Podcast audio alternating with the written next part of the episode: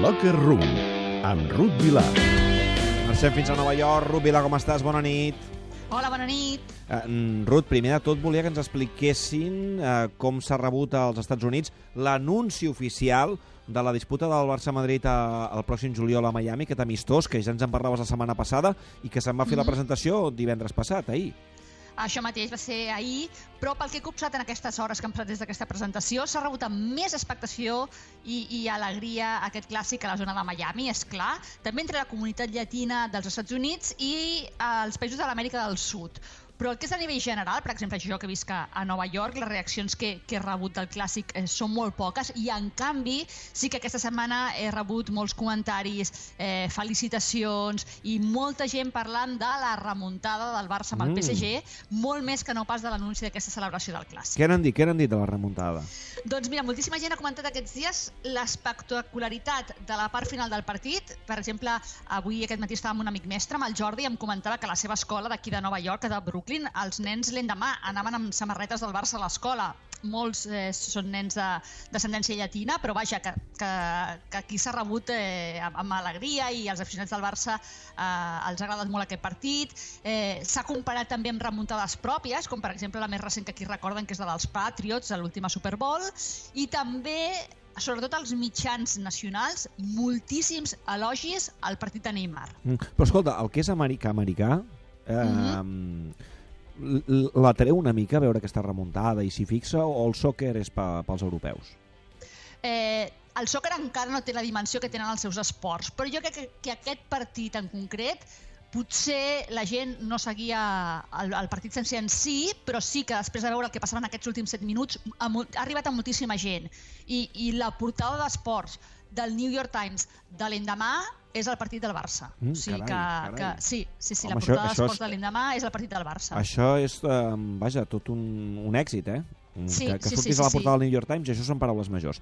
Escolta'm, sí. tornant al tema del clàssic, eh, com ha aconseguit eh, als Estats Units que Barça i mm-hmm. Madrid accedeixin a jugar un partit així al juliol a Miami? És un tema de pasta, simplement?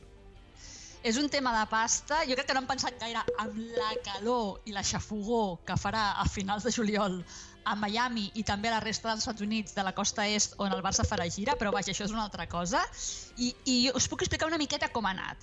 En els últims anys, ens situem, les gires estiu del Barça i del Madrid les ha organitzat una empresa nord-americana que es diu Relevant Sports, que també s'ha encarregat de la pretemporada d'altres grans equips europeus. De fet, jo crec que són una mica ells el que han canviat aquest panorama tradicional que teníem de les pretemporades, no? on habitualment els partits que veiem eren més aviat partits de costellada o, o amb rivals no, no gaire importants, com solia passar quan el Barça anava a Holanda.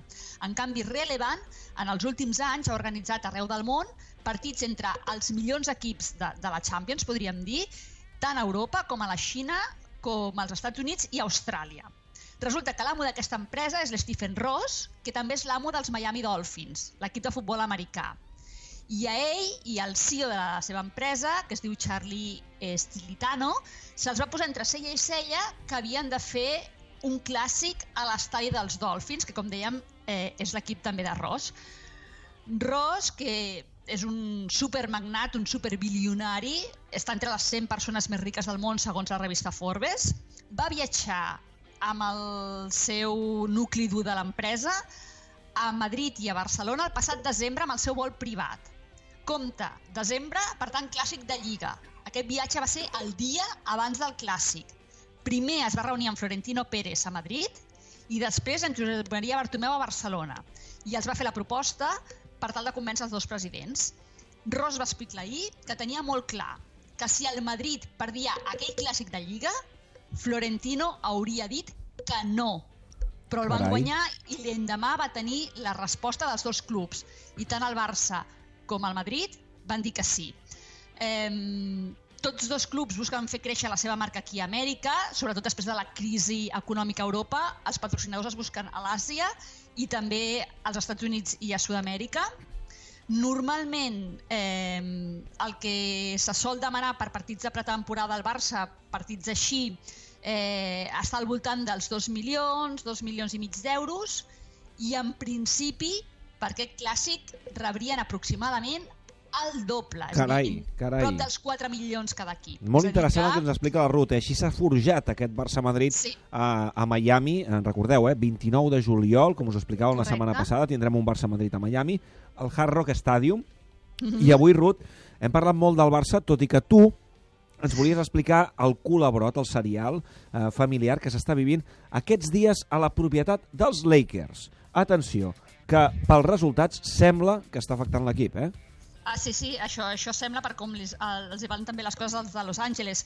Eh, en una setmana hem de dir que Jenny Bus, que és una de les propietàries dels Lakers, ha fet fora de la direcció de la franquícia un dels vicepresidents amb més pes, qui a més a més és el seu germà, el general manager, el cap de comunicació i ha decidit promocionar Magic Johnson com a president d'operacions de l'equip.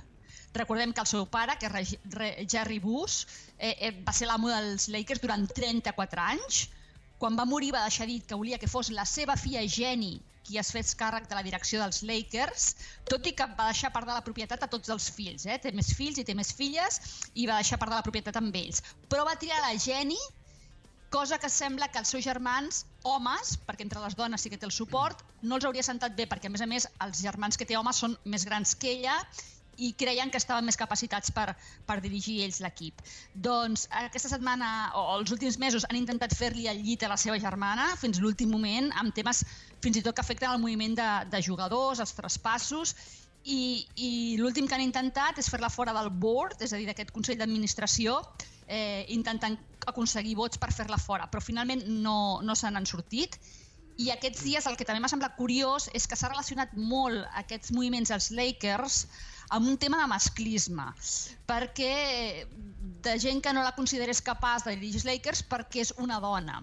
Eh, cal recordar que dels 30 equips de l'NBA, l'única propietària eh, que porti les regnes d'un equip és precisament la Jenny Bus. Tot i que també a Filadèlfia, entre el board, hi ha, hi ha una dona, però vaja, no té les responsabilitats que, que té ella. A mi em fa molta pena veure els Lakers així, eh? perquè jo de petit sí. era sí, molt clar. fan dels Lakers. Jo no, sí, perquè sí. era dels Celtics, tu eres dels Celtics. a mi em fa bastanta pena. Veus, a mi els Celtics em feien ràbia, però clar, que els Lakers, clar, hi havia Abdul Jabbar, Magic Johnson, James Worthy, sí, sí. Uh, era un equip que a mi em tenia sempre meravellat i que els veia com el millor equip del món no? I, i quan Pau Gasol va marxar allà i també van guanyar uh, l'anell de campió i veure'ls així la veritat és que ara fins i tot estan contactant amb, estan, estan intentant contactar amb Kobe Bryant per si es vol reincorporar a fer alguna cosa amb l'equip perquè realment però, però jo crec que, que sí que té a veure la guerra aquesta interna que hi ha a la direcció com els hi van les coses, fins al punt això, no?, de que ha afectat, eh, crec que amb de Marcus Cousin explicaven que, que la guerra interna dels Lakers ha afectat a com han anat el, el, els mm. moviments a, al mercat, és a dir, eh, una cosa molt bèstia, no?, perquè tu pots lluitar per, per tenir una posició de força a la direcció d'un equip, però fins al punt d'afectar fitxatges, de fer que les coses no vagin bé a la pista, eh, és molt greu.